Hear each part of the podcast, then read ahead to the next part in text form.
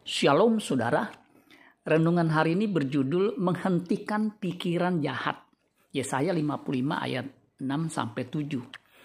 Carilah Tuhan selama ia berkenan ditemui.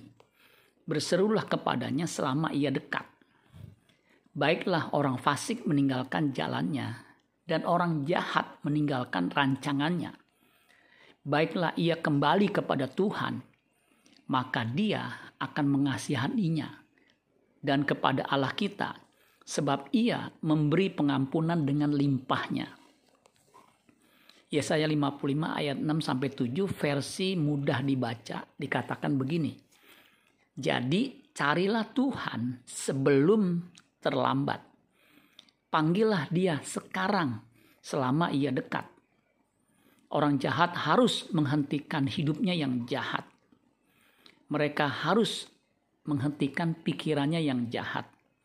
Mereka harus kembali kepada Tuhan, dan Dia akan menghibur mereka. Mereka harus datang kepada Allah kita karena Ia mengampuninya.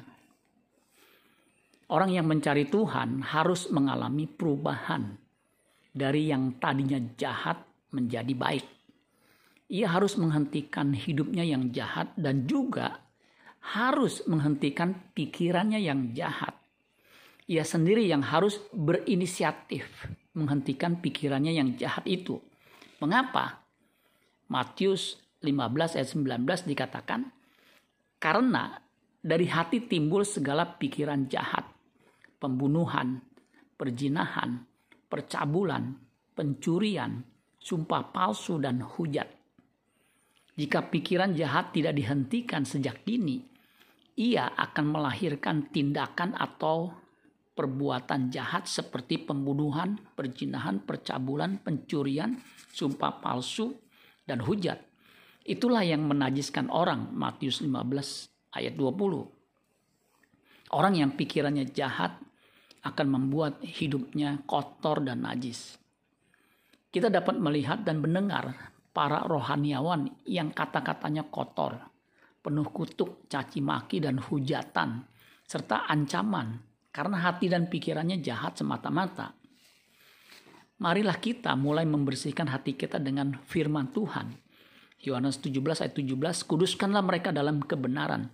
Firmanmu adalah kebenaran. Orang yang hatinya bersih menghasilkan kata-kata yang sejuk, tindakan yang tidak melukai atau menyakiti sesama. Ia akan membawa kesejukan dan damai sejahtera bagi orang yang berhubungan dengannya. Amin buat firman Tuhan. Tuhan Yesus memberkati. Sola Gracia.